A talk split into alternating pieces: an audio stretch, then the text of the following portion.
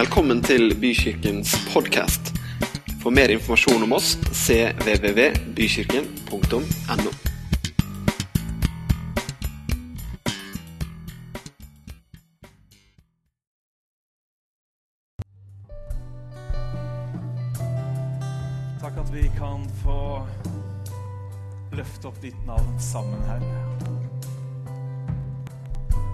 Takk at du som eh, kalles den evige, du som var før alt ble til, og du som har skapt alt det som er skapt.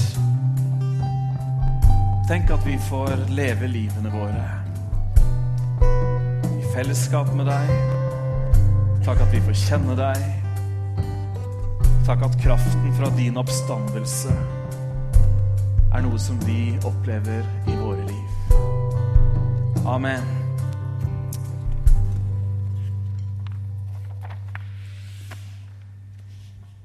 Tusen takk til dere.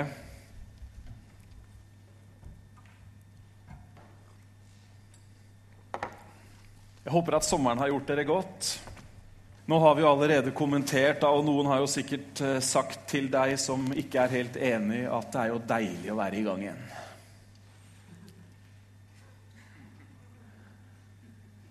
Det er deilig å være i gang igjen. De som opplest og vedtatt. Det er bare det at det er bare de som syns det er deilig å være i gang, som sier noe. De som ikke syns det er deilig å være i gang, de, de kontrer liksom ikke med å si 'det er jeg ikke enig i i det hele tatt'. Nå er det jo heldigvis sånn at det er jo andre som bestemmer for oss at vi skal være i gang. Skoleåret begynner igjen, og ferieloven sier hvor mange uker vi får lov til å ha fri osv. Så, videre. så vi kan liksom slippe å ta den kampen. Men jeg er både på side med deg som syns det er deilig å være i gang igjen, og på side med deg som syns at ikke det er fullt så deilig. Så da er vi i samme båt, da. Er ikke det fint? Jo, det er bra. Det visste du kanskje fra før også. Vi er i samme båt. Har du tenkt på hvordan et spørsmål kan sette i gang tanker? Har du tenkt på hvordan gode spørsmål får oss til å tenke? Eller får oss kanskje plutselig til å se ting helt annerledes?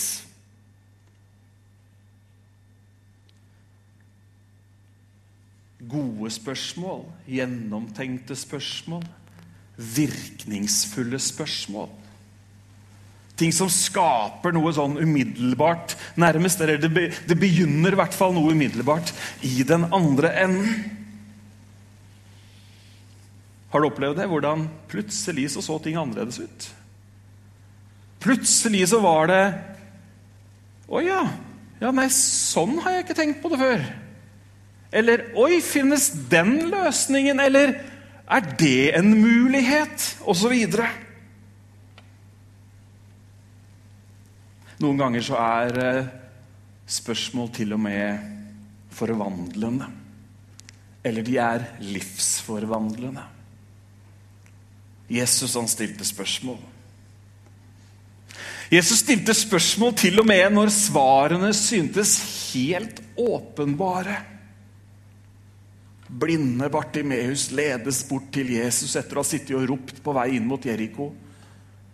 Og så spør Jesus et spørsmål. Hva vil du jeg skal gjøre? Hm. Skal vi be sammen? Takk, Herre, for eh, at du har planer. Takk at du har skapt oss til å leve liv som eh, inneholder ulike kapitler og sesonger og situasjoner. Nå ber jeg om at du ved de ordene som du har lagt på mitt hjerte, skal snakke inn i vår situasjon. Tale inn i våre liv. Du har det fortrinn som ikke noe menneske har. Du kjenner oss, du vet hvordan vi har det. Til og med når ikke vi er i kontakt med oss sjøl helt og fullt, så vet du hvem vi er. Og jeg ber Herre om at ditt ord skal være levende. Takker deg for at det er det. Takker deg for hjerter som nå stiller seg inn på å høre ditt ord. Midt oppi alt det vi hører, så vil vi nå høre fra deg, Herre. Er du med på et amen på den bønnen? Så bra.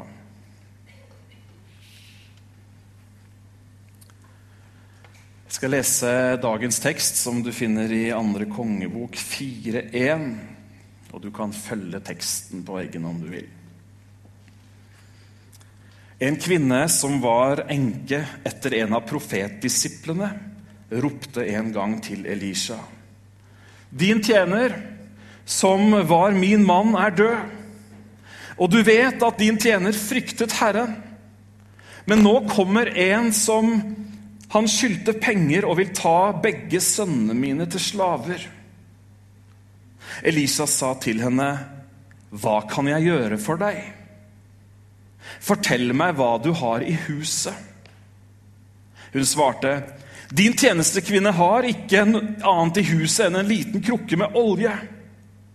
Da sa han, 'Gå ut til alle naboene dine og be om å få låne kar.' 'Så mange tomme kar som du kan få tak i.'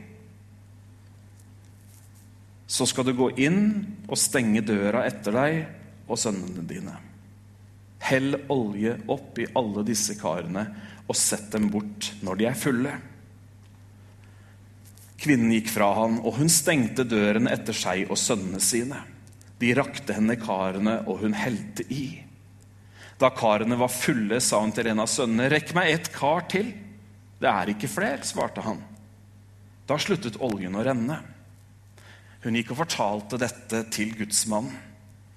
Han sa, 'Gå og selg oljen, og betal gjelden din.' 'Så kan du og sønnene dine leve av det som blir igjen.' Her møter vi ei dame som har eh, havna i en krevende situasjon. Livet er sånn. Det er En av karakteristikkene på selve livet er at det ikke blir helt som man har tenkt. Ja, men Dette var jo positiv forkynnelse en søndag formiddag. men Tove, Det blir ikke helt sånn som du har tenkt. Nei, Vi sitter jo her som levende eksempler, alle mann. Hvis vi er litt ærlige på at det er noen ting i livet som ikke ble sånn som vi hadde tenkt. Trenger ikke å rekke opp hånda, men det er noen som i hvert fall nikker bekreftende. Vi hadde en drøm.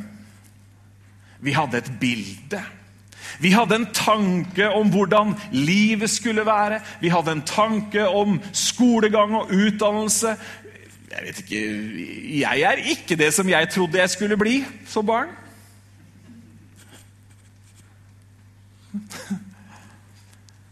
Eller at vi skulle bo der, eller at vi skulle slå følge med den, eller at vi skulle få så mange barn eller ingen barn. Altså, livet er ikke akkurat sånn som vi hadde sett det for oss.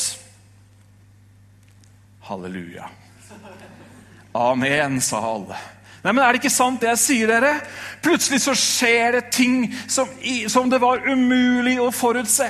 Plutselig så rammes vi av en utfordring som er av en størrelse som, som gjør at vi ikke trodde at Hallo! Og noen havner til og med i en situasjon som er så totalt annerledes. En situasjon som, som, ikke stemmer med verdiene, en situasjon som ikke stemmer med sånn vi er oppdratt, en situasjon som ikke stemmer med sånn vi trodde det skulle bli. Ikke sant? Det kan til og med jeg si i en alder av noen og 40 år, at alt har ikke blitt sånn som jeg ønska meg.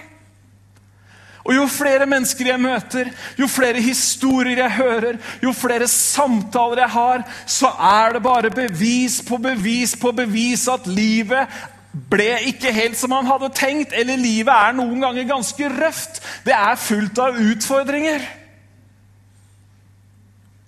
Vi trenger ikke å tenke langt, vi trenger ikke å bruke lang tid på å finne ut at dette her er sant. Denne dama hadde opplevd en av de verste tingene som man kan oppleve som menneske, nemlig å miste en som er kjær. Det sitter mennesker her også i rommet som har mista mennesker som står nær. Og det var jo ingen som planla det. Det var jo ikke noe vi kunne vite. Men ting skjer i livet. Plutselig så står man i en situasjon i forhold til relasjoner, i forhold til inntekt og arbeid. Det kan være så mange ting. Jeg trenger ikke å lage den lista, for du har din egen i hodet. Hm. Situasjonen hennes var ganske tragisk. Det var ikke nok med at han var borte. Men nå kom også de som skulle kreve inn gjelda på døra. Postkassa var full av brev fra Lindorf. Hm. Det var ikke så rosenrødt. Men denne dama, hun gjør noe som sier meg noe i dag. Og jeg tror kanskje at det sier deg noe også. Det er derfor jeg har stoppa opp ved denne historien, som jeg tror at er til oss.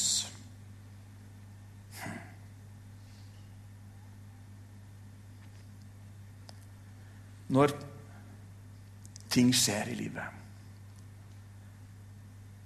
så er det ulike måter vi møter det på. Det er også ulike faser i hvordan vi møter det som har skjedd. Noen ganger så kan man være kjempestreng mot seg sjøl og klandre seg sjøl noe helt utrolig. Tenk at jeg kunne rote meg bort i dette. Eller tenk at jeg kunne la dette skje. Jeg vet ikke hvordan denne dama hadde det. Om hun klandra seg sjøl for at hun aldri hadde tatt en titt inn i økono familiens økonomi. Jeg vet ikke om hun klandra seg sjøl for at hun aldri hadde lagt noe til side. Jeg vet ikke om hun klandra seg sjøl for at ikke hun hadde Hallo, er du med? Det er klassisk. Det er typisk. Så er det noe annet som vi ofte gjør også. Kanskje ikke du, men jeg og mange andre. Hvem har skylda egentlig? Hvem, hvem har egentlig skylda for at dette skjedde? Kjenner du deg igjen?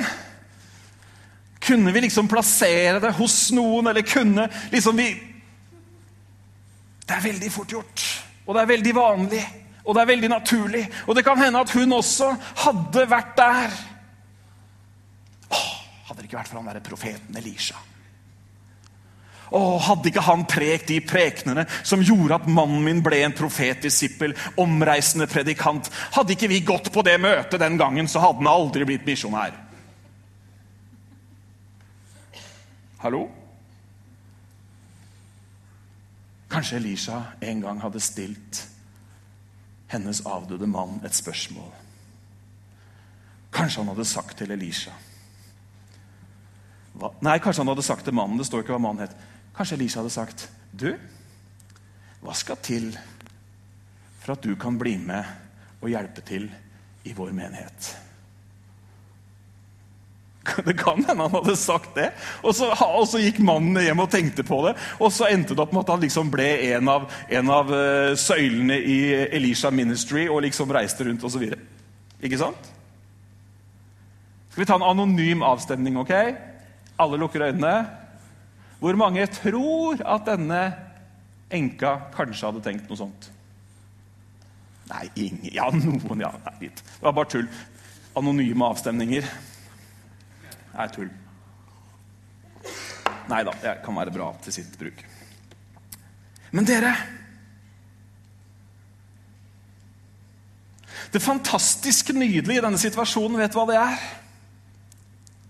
Det, det, det eksempelet til etterfølgelse, det forbildet å se til fra denne historien, er at hun tar sin situasjon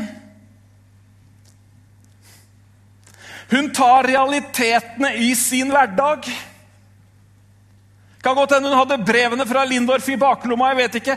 Hun tar sin situasjon, og så bringer hun den. Hun tar den med til profeten. Hun tar den med til Gud. Hallo, er du med? Hun tar den med på søndagsmøtet. Hun tar den med til life-gruppa. Hun ringer pastoren Hun bringer det fram for Gud. Hm. Noen ganger så kan vi bringe ting fram for Gud på en annen måte også. Jobb han anklaga Gud for det som hadde skjedd. Her anklager hun ikke Gud, men hun, hun, hun, henvender seg til Gud. Hun henvender seg til han gjennom profeten, og så sier hun Du, nå er det vanskelig her. Nå har virkelig realitetene møtt meg. Jeg har knapt begravet min mann, og nå står de som krever meg, på døra. Er du enig i at det er en kjedelig situasjon å være i? Er du enig i at det kanskje er krevende? Det var kanskje heller ikke noe sosialt nettverk, noe sosialt sikkerhetssystem man kunne henvende seg til. Hun var avhengig av en løsning, og så kom hun til Gud. Hun kom til profeten, og så hun nei, og så presenterte hun behovene sine. Og dere, det fantastiske er, det er jo at når vi kommer til Han, så tar Han oss imot på samme måte som profeten tok imot denne enka. Når vi kommer til Gud med det som ligger på hjertet vårt, når vi kommer til Gud med hverdagen Jeg snakker ikke bare om de store utfordringene eller de store tapene, men vi kjenner jo hver eneste dag at vi lever både på godt og vondt, ikke sant? Hallo? Så tar hun det med til Gud.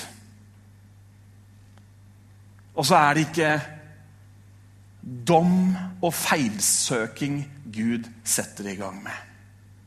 Hørte du hva jeg sa? Det er ikke dom og feilsøking Gud setter i gang med når vi kommer til Han. Han stiller i stedet et spørsmål, og det er Hva kan jeg gjøre for deg? Er det ikke nydelig? Er det ikke nådefylt? Er det ikke kjærlighetsfylt? Hva kan jeg gjøre for deg? Har du noen gang opplevd når du går inn i en butikk? Det finnes jo fortsatt noen få butikker hvor de faktisk spør kunden som kommer inn. Det meste er selvhjelp. I noen butikker nå så trenger du ikke engang å snakke med noen. Du kan ordne betalinger sjøl også. Men du vet de der butikkene hvor du kom inn, og så kom det et vennlig menneske bort og sa det. 'Hva kan jeg hjelpe deg med i dag?' Du kjente at pengene satt løsere bare pga. vennligheten i stemmen. En butikk vil jo ha begrensning i sitt vareutvalg, hva den kan gjøre, men Gud er uten begrensning, og han stiller et spørsmål Hva vil du jeg skal gjøre? Vet ikke hvilken floke du prøver å knyte opp. Vet ikke hvilken situasjon, hvilken dagligdags utfordring vi kan stå i, men han spør hva kan jeg gjøre for deg? Hm. Ta det med til Gud.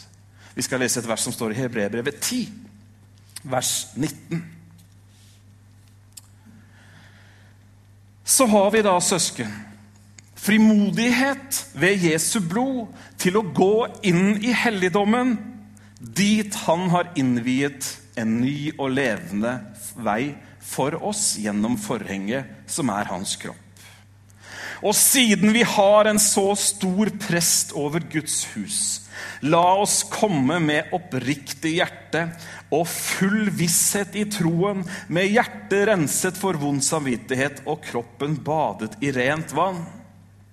La oss holde urokkelig fast ved bekjennelsen av håpet, for Han som ga løftet, er trofast. La oss ha omtanke for hverandre, så vi oppgløder hverandre til kjærlighet og gode gjerninger. Og la oss ikke holde oss borte når menigheten vår samles, som noen har for vane. La oss heller oppmuntre hverandre, og det så mye mer som dere ser at dagen nærmer seg. Frimodighet til å komme. Frimodighet til å bringe det vi har på hjertet, framfor Jesus. Det hadde denne enka. Hm. Nytter det å be? Ja. Nytter det å søke? Ja. Nytter det å lete? Ja. Hvorfor? Jo, for det finnes en i den andre enden av din henvendelse som sier 'Hva kan jeg gjøre for deg?' Amen. Det er en som står med åpne armer, og som ikke er der for å feilsøke eller dømme, men som sier, 'Hva kan jeg gjøre for deg?' Dere, Gud er en nådig Gud. Det betyr at han er klar til å hjelpe oss. Det betyr at han er der for å løfte oss. Det betyr at han er der for å sette oss fri. Fri fra gjeld og skyld. Hun ble fri fra gjelden og skylden. Hun fikk mer enn nok. Ta dette med deg inn i denne høsten. Ta med deg spørsmålet fra vår Herre sjøl. Hva vil du jeg skal gjøre for deg? Gud ønsker nemlig å gjøre noe med situasjonene våre, dere. Gud ønsker å gjøre noe i livene våre. Gud sendte ikke sin sønn til verden for å dømme verden, men han sendte sin sønn til verden for at verden skulle bli frelst ved ham. Det er nyheten om Jesus. Det er evangeliet, og det er ditt. Det er mitt, det er vårt. Det er der vi lever. Vi lever i kraften av evangeliet. Men han stilte ikke bare det ene spørsmålet, han kom med ett til. Si meg, hva har du i huset? Fortell meg hva du har i huset. Hm. Er det for et spørsmål? Kan hende enka lurte litt også, for at verden lurer han på hva jeg har i huset. Når jeg akkurat stått der og fortalte at jeg klarer jo ikke å gjøre opp skylda mi engang, og så lurer han på har du noe i huset. Men hun visste hva hun hadde i huset. Alltid når jeg har lest denne historien her sånn langt tilbake, så har jeg sett for meg et sånt tomt rom i et hus på Jesu tid med én sånn liten krukke borti der. Har du sett det? Sikkert noen kunstnere som har laga noen sånne bilder som har satt seg på netthinnen min. Men det er liksom det jeg ser. Men det er i hvert fall tydelig at på spørsmålet så svarer enka veldig kjapt hva hun har. Hvis jeg derimot skulle fortelle hva jeg har i huset Gode Gud! Eller hva sier du, Julia? Oh. Ja, der var jeg i første skap for å se. Nei. Det er noe med halen her, altså. Hvis jeg skulle si hva jeg har i huset det Jeg er mer i den kategorien at når jeg begynner å se et rom som ikke har vært i på en stund Å ja, jeg har det òg, ja! Nei, ingen andre er som meg. Nei, alle Ja, du, ja. Vi, vi, vi deler jo hus. Hva har du i huset? Ja, hvor lang, hvor lang, betenkningstid får jeg? Hvor mange A4-ark kan jeg fylle? Jeg husker en gang for lenge, lenge siden, det er mange prekener av Magnar som har gjort inntrykk på meg, men når du tok den der lista over hva man måtte ha som eh, småbarnsforeldre, husker du det? Du husker ikke sjøl? Nei, det kan du se. Ordet når lenger enn oss selv. Men i alle fall, det var liksom sånn derre Hva har du i huset? Eller hva må du ha? Jeg vet ikke hva du har i huset, men du har sikkert mer i huset enn denne dama.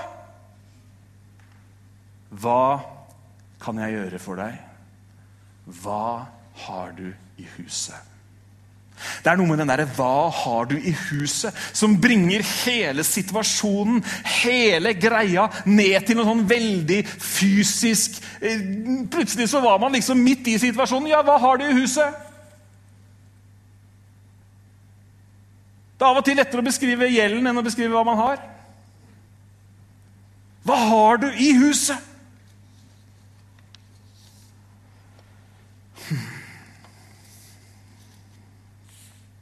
Jeg tror faktisk ikke at enka hadde tenkt at den krukka var løsningen på situasjonen. Tror du det? Altså, Hun nevner ikke krukka engang! Hun bare snakker om gjelden. Og så, Gud han har jo en egen evne da, til å liksom stille oss noen virkningsfulle spørsmål, noen forvandlende spørsmål, noen som får oss liksom midt i kontakt med vårt eget hjerte og oss selv. Hva har du i huset? Privat spørsmål. Kanskje hun hadde noen ting i huset man ikke burde ha i huset. Hva vet jeg? Det er jo nesten som man går og begynner å snoke rundt i huset hennes. Liker du det når du har gjester? Det er greit å ha ett eller to rom hvor du kan vri om en nøkkel. er det ikke det? Ikke sånn av hensyn til noe annet enn hybelkaninene, men i hvert fall liksom kunne lokke noen dører. Og nei, det er ingen andre som gjør det heller, nei. Det er bare, nei, ok, greit. Det gjør vi noen ganger. Tenker å spare folk for visse ting. Hva har du i huset? Merkelig spørsmål. Hm. Men hva har du? Jo, jeg har en krukke med olje. Olje, et En ting som ble brukt til så mye, men for lite til å synes å være løsningen. Hvor mange ganger har du tenkt Ja, men det jeg har, det, det er ikke noe bidrag, vet du. Det jeg kan Nei, det er jo så mange andre som kan gjøre det mye bedre enn meg. Det må da være noen andre. Nei, jeg duger ikke. Jeg kan jo ganske lite. Hm. Jeg syns jeg møter hos folk hele tiden.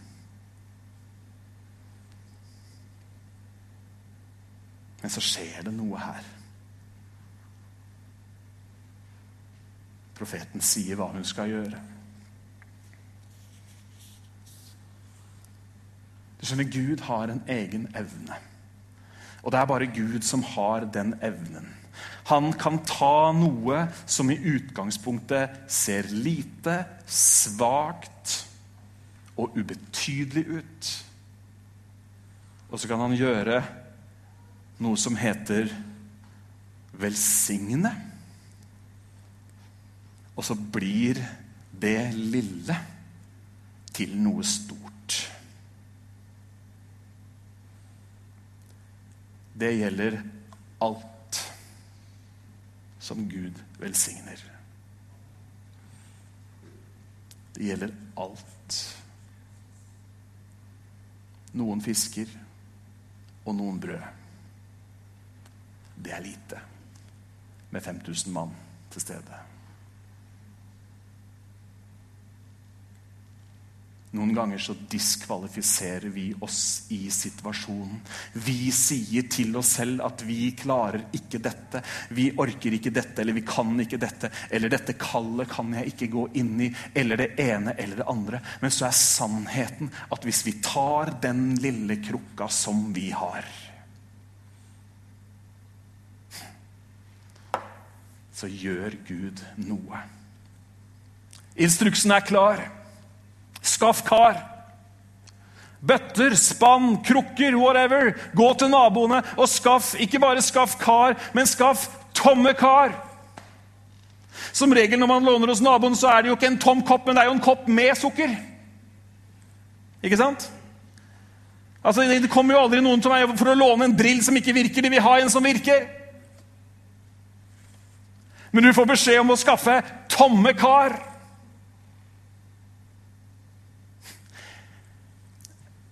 Jeg vet ikke om vi klarer å tenke oss situasjonen. Men her, altså, Det hun trenger, er en overføring på konto. Det hun trenger, er et gjeldssaneringsprosjekt. Det hun trenger, er et mirakel. Det hun trenger, er syv rette i lotto. Men hun får beskjed om å samle kar. Og jeg ser for meg disse sønnene. Ja, ja, det var, det var på den tiden sønnene hadde respekt for mamma. Så de gjorde jo det som mora sa. De saumfarte jo hele nabolaget. Det var ikke en isboks eller en Tupperware-beholder i hele området. Alt var bare samla inn. Ser du det for deg? Og så sier profeten noe som jeg tror er av veldig stor betydning.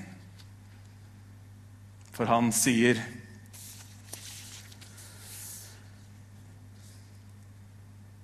Gå ut til alle naboene dine og be om å få låne kar. Så mange tomme kar som du kan få tak i. Så skal du gå inn og stenge døren etter deg og sønnene dine. Hm. Stenge døra. Hm. At karene må være tomme, det er jo innlysende for Gud. Han har jo tenkt å fylle dem med noe. ikke sant? Men hvorfor må man gjøre det til stengte dører? Jeg tror at naboene egentlig vil gjerne være med på det her. Ja. Tenk deg det! Nå skjer det noe. Har det vært, har det vært enda kar her òg? Ja, sønnen kom hit. Han andre, han andre sønnen kom en gang til, til og med, men nå har vi ikke noen flere kar. Det er merkelige folk, dette her. Ja, det er, han var jo sånn predikant, han, sønnen, han faren. Ja, ja, vi så jo åssen det gikk med han. Vet ikke om de hadde gardiner, men Hvis de hadde hatt noen gardiner, så hadde de sittet bak hver eneste gardin for å se hva som skjer med disse tomme kara. Og Kjenner jeg kulturen rett, så hadde de ikke bare sittet bak gardinene, de hadde gått ut i gatene. Og De hadde begynt å kommentere og de hadde begynt å gi sin mening om situasjonen. Når Gud skal fylle ditt kar Når Gud skal velsigne din oljekrukke Når du tar et valg Han har sagt 'Hva vil du jeg skal gjøre for deg?' Han har spurt hva du har i huset, og vi har funnet fram et kar. Vi har stilt oss selv disponible for Herren, sånn at han kan få sin vei. Da er det ganske fint å gjøre bak lukkede dører. Hvorfor det? Skal vi stenge vinduene nå? Nei. Jeg har ikke sagt du skal leve resten av livet bak lukkede dører. Men det er så mange stemmer fra nabolaget som har en mening om hva Gud sier, og hva Gud ønsker å gjøre, at noen ganger så må man stenge negativiteten ute. Man må stenge sarkastiske kommentarer ute. Man må stenge ironien ute. Fordi at Gud han har tenkt å velsigne. Gud han vil fylle. Gud han vil tale inn i mitt liv. Og det er det meninger om. Hallo? Jeg har sjøl sett folks spørsmålstegn i øyet. Når du liksom Ja, nei, skal du ja, du skal jobbe med misjon, ja. Ja. Jobben din, da? Nei, den har vi sagt opp. Ja, leiligheten, da? Ja, nei, den har vi sagt opp. Ja, ikke, altså Er du med på tanken? Når Gud gjør noe, og når Gud kaller oss, så er det noen ganger veldig bra å stenge døra akkurat når han gjør det, sånn at vi virkelig kan være lydige mot det han sier. Det var en troshandling dama gjorde. Tenk deg, å stå der med en liten krukke og begynne å helle i det første karet. Da bryr du deg lite om fru Hansen og Johansen på andre siden av gata. Det betyr veldig lite, for Gud, han er i ferd med å gjøre noe i mitt liv.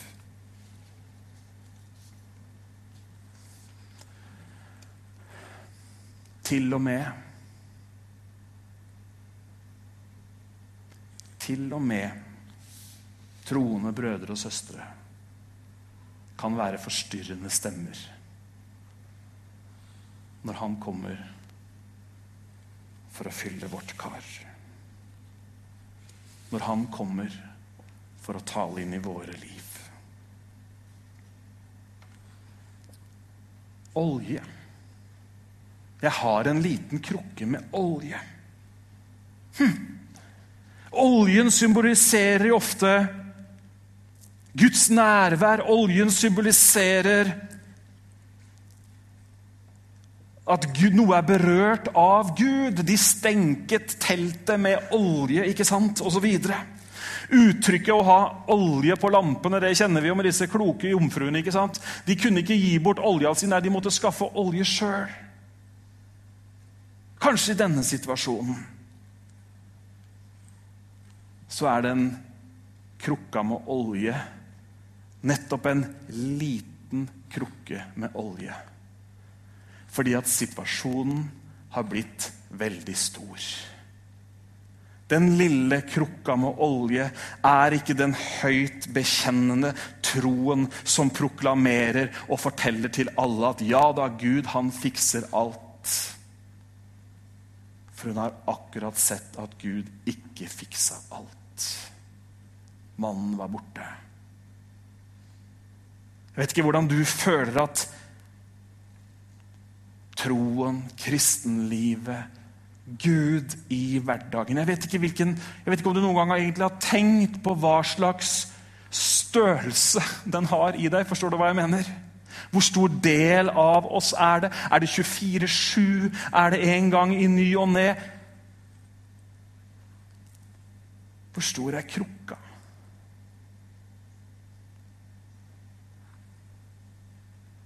Den trenger ikke å være så stor. Det som spiller noen rolle, er om det finnes et tomt kar der som kan fylles. Er du med på tanken? Er det et rom hvor det kan få plass? Er det en beholder som ikke er så full av andre ting? Tenk hvis hun hadde lånt beholdere, så, tenk hvis hun hadde henta vannbeholdere til alle naboene. Jeg ville ikke drikke i andres vann engang. Hvis ikke jeg hadde visst hvem det var som hadde helt oppi, eller hva de hadde helt oppi. Krukkene kan være fulle, dere. Livene våre kan være fulle. Men du har en liten krukke. Jeg skal ikke avvis, avsi størrelsen på krukka, for den kjenner jeg ikke i det hele tatt. Men vet dere, vet dere hva, folkens? Her er vi en gjeng med folk som har en krukke. Er ikke det fantastisk? Tenk at hun hadde den krukka, da! Den krukka symboliserer jo at hun faktisk ikke gikk i seg sjøl, men hun gikk til Gud. Den krukka symboliserer at det var jo ikke bare hva hun kunne klare å få til. Nei, det var noe i henne som var plassert der, og som hadde et potensial i seg til ikke bare å løse situasjonen der og da, men sånn at hun kunne leve av det. Det er en viktig del av verset. Selg det, betal gjelden, og lev av resten. Du skjønner, Når Gud gjør noe, når han velsigner, når han griper inn, så er det ikke sånn oppunder nesten fullt. Nei, da er det sånn at det andre blir velsigna også. Og Det er det store alvoret med de tomme karene som ikke lar seg fylle. For de tomme karene som ikke blir fulle, som forblir tomme, de kan aldri nå ut til noen andre.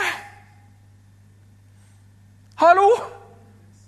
Du kan jo by vann til du blir blå, men hvis flaska er tom, så er den tom.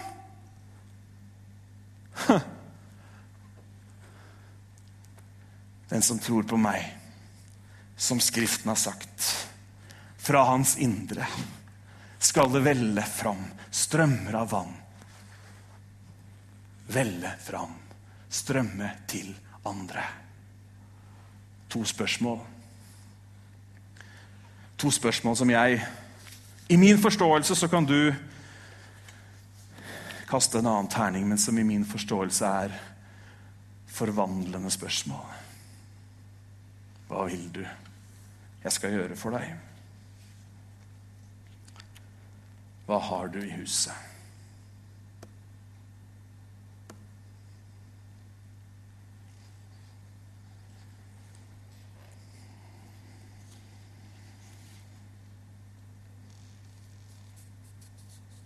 Jeg vet ikke hvordan det er med deg, men jeg vet at det er i hvert fall mange mennesker på jord som vet at de har en krukke. De vet det så inderlig godt, i hvert fall hvis de stopper opp og tenker. De vet at de har fått noe i sitt liv av Gud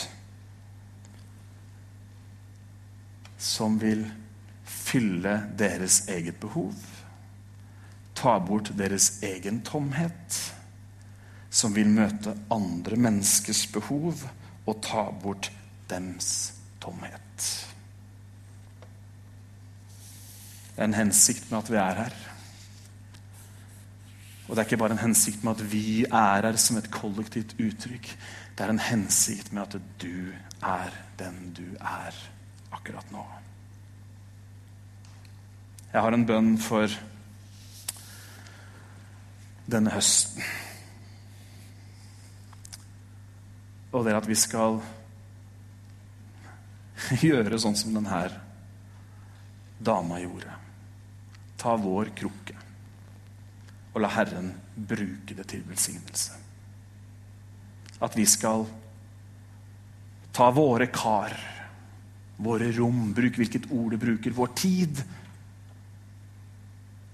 Og så skal vi sørge for at den får fylles fra himmelen. Amen.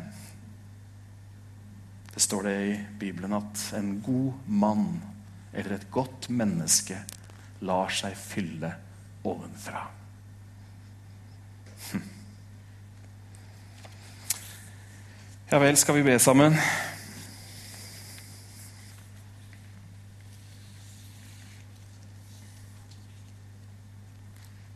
Kanskje jeg kan utfordre deg til å ta med deg de to spørsmålene inn i uka og tida som kommer. Du kan skrive de ned, eller du kan på en eller annen måte huske dem. Hva kan jeg gjøre for deg? Hva ligger øverst på lista over hva du vil at Gud skal gjøre for deg? Ja, men jeg har bedt før. Ja, men jeg har sagt det før. Det som har vært, det kan ikke vi gjøre noe med. Våren 2017, den er gått. Men hva ligger øverst? Hva vil du jeg skal gjøre for deg? Og så la han få hjelpe deg. Hva har du i huset ditt? Herre, jeg takker deg for Takker deg for dine ord. Takker deg for at de er liv. Takker deg for at ikke de bare er tomme historier som seiler gjennom hodene våre, men det er faktisk ord som skaper noe.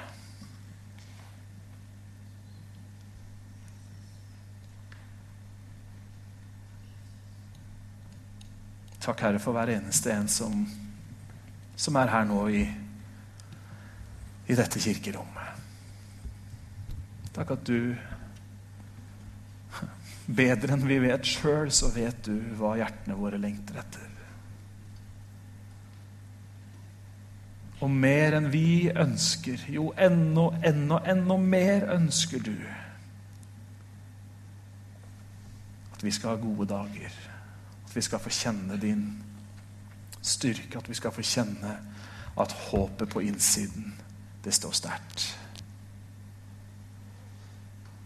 Herre, jeg ber om tomme kar.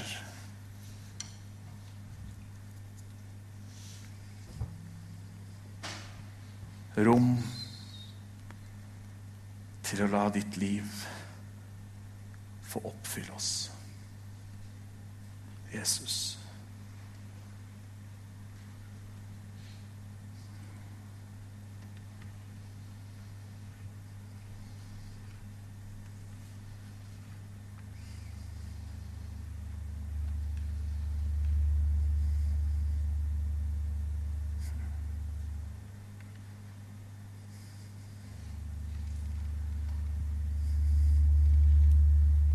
At du gir styrke til den som ikke har noe styrke. Takk at du tar det som ser svakt og ubetydelig ut i menneskers perspektiv. Det velsigner du. Takker deg for det, far. Be for de som trenger ny styrke, Herre.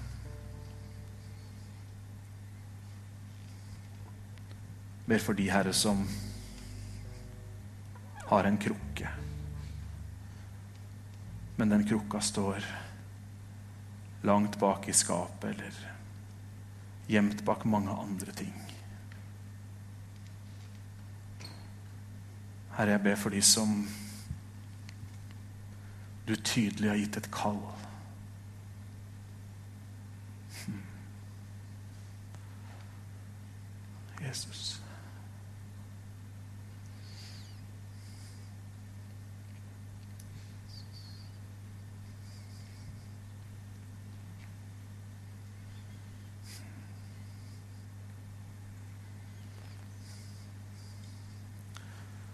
Far. Takk at du hjelper. Takk at du lar deg finne. Takk at du svarer. Takk for det, Herre. Amen. Amen.